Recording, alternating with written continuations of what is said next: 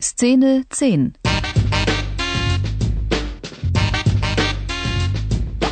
Anglerspaß oder wie der Nachbar sich selber fing.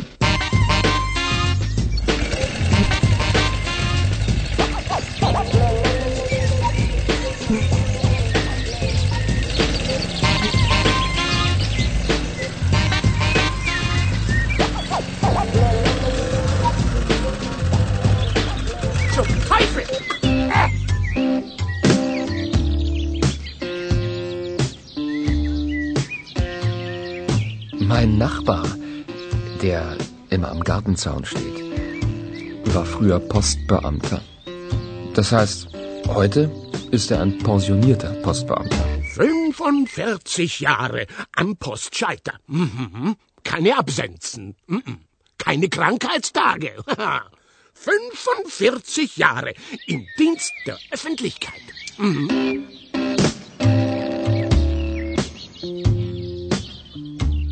Was kann er also anderes tun, als immer am Zaun stehen und sich über irgendetwas beschweren?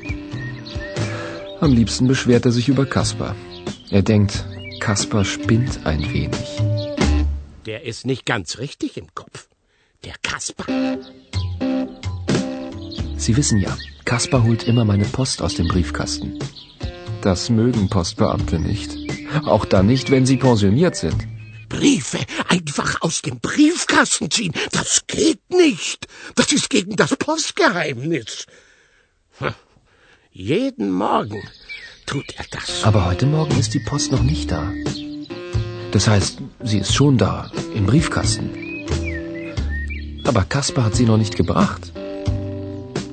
Er steht am Zaun und spricht mit meinem Nachbarn. Ein Gespräch unter Postbeamten sozusagen. Lachen Sie nicht so doof. Das ist nicht lustig. Lustig, doch, sehr lustig. Nein. Sie wollen Fische fangen und fangen sich selber. Quatsch ist das. Doch, das ist lustig. Schadenfroh sind Sie also auch. Pfui Teufel. Sie freuen sich, wenn ich leide. Schadenfroher Lümmel. Ja, dann kommt aber zurück. So ein Lümmel, ein Schaden. Verlass dich noch kaputt. Hey du! Kaspar! Wo bleibt die Post? Ah, vergessen. Ich habe mich mit dem Nachbarn unterhalten. War so lustig, da habe ich die Post vergessen.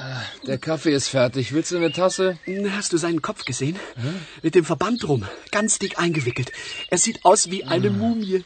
Eine pensionierte Mumie. Was ist denn passiert? Ein Unfall? Das hat er mir eben erzählt. Er war angeln. Unten am Fluss, da wo wir immer angeln. Und klaut uns einfach die Idee. Und das hat er nun davon. Ja, was denn? Erzähl doch. Hat keine Fische gefangen, der Nachbar, aber sich selber. Was? Er hat sich selbst gefangen? Hat die Angelschnur geworfen, mit Schwung, zaff, und die Angel hat sich in seinem Ohr verfangen. Hat ihm das halbe Ohr abgerissen. Der ist nicht ganz richtig im Kopf. Ja, Das habe ich auch schon gehört. Till, äh, gehen wir angeln? Jetzt? Äh, Nein, das geht nicht. Ich, ich, ich muss noch weg. In die Stadt. Gut, dann frage ich eben unseren Nachbarn. Vielleicht kommt er mit. Also, Kaspar. Äh, meinst du wirklich?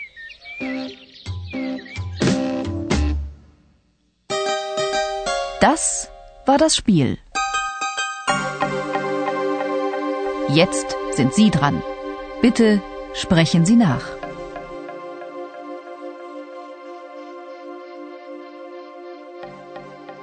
Sie wissen ja, Kaspar holt immer meine Post.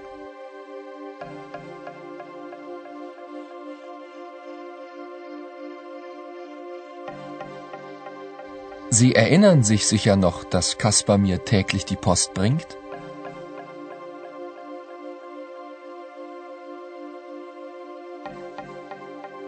Und Sie müssen auch wissen, dass er das gern tut.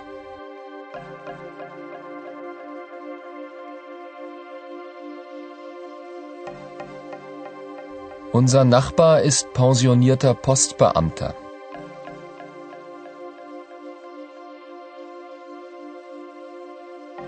Was kann er also anderes tun, als immer am Zaun stehen und sich beschweren?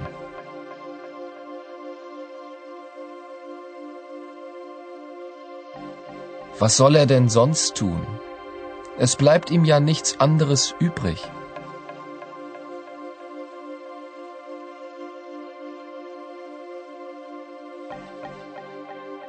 Heute Morgen ist die Post noch nicht da.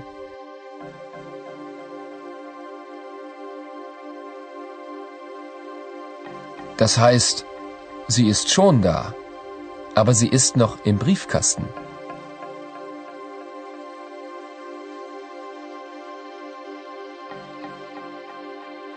Der Nachbar hat unten am Fluss nichts gefangen.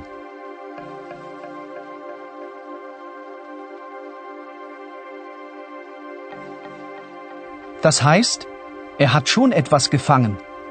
Sich selber.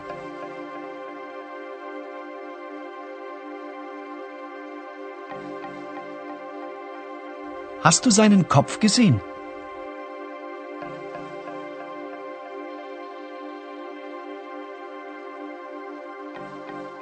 Mit dem Verband drum.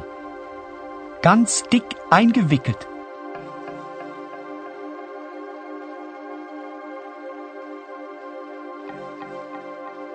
Er sieht aus wie eine Mumie.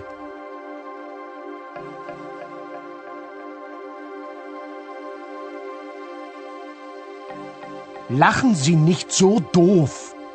Das ist nicht lustig.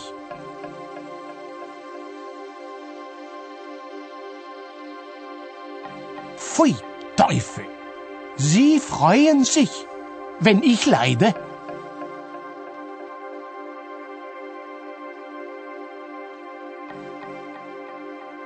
Ich finde das gar nicht zum Lachen.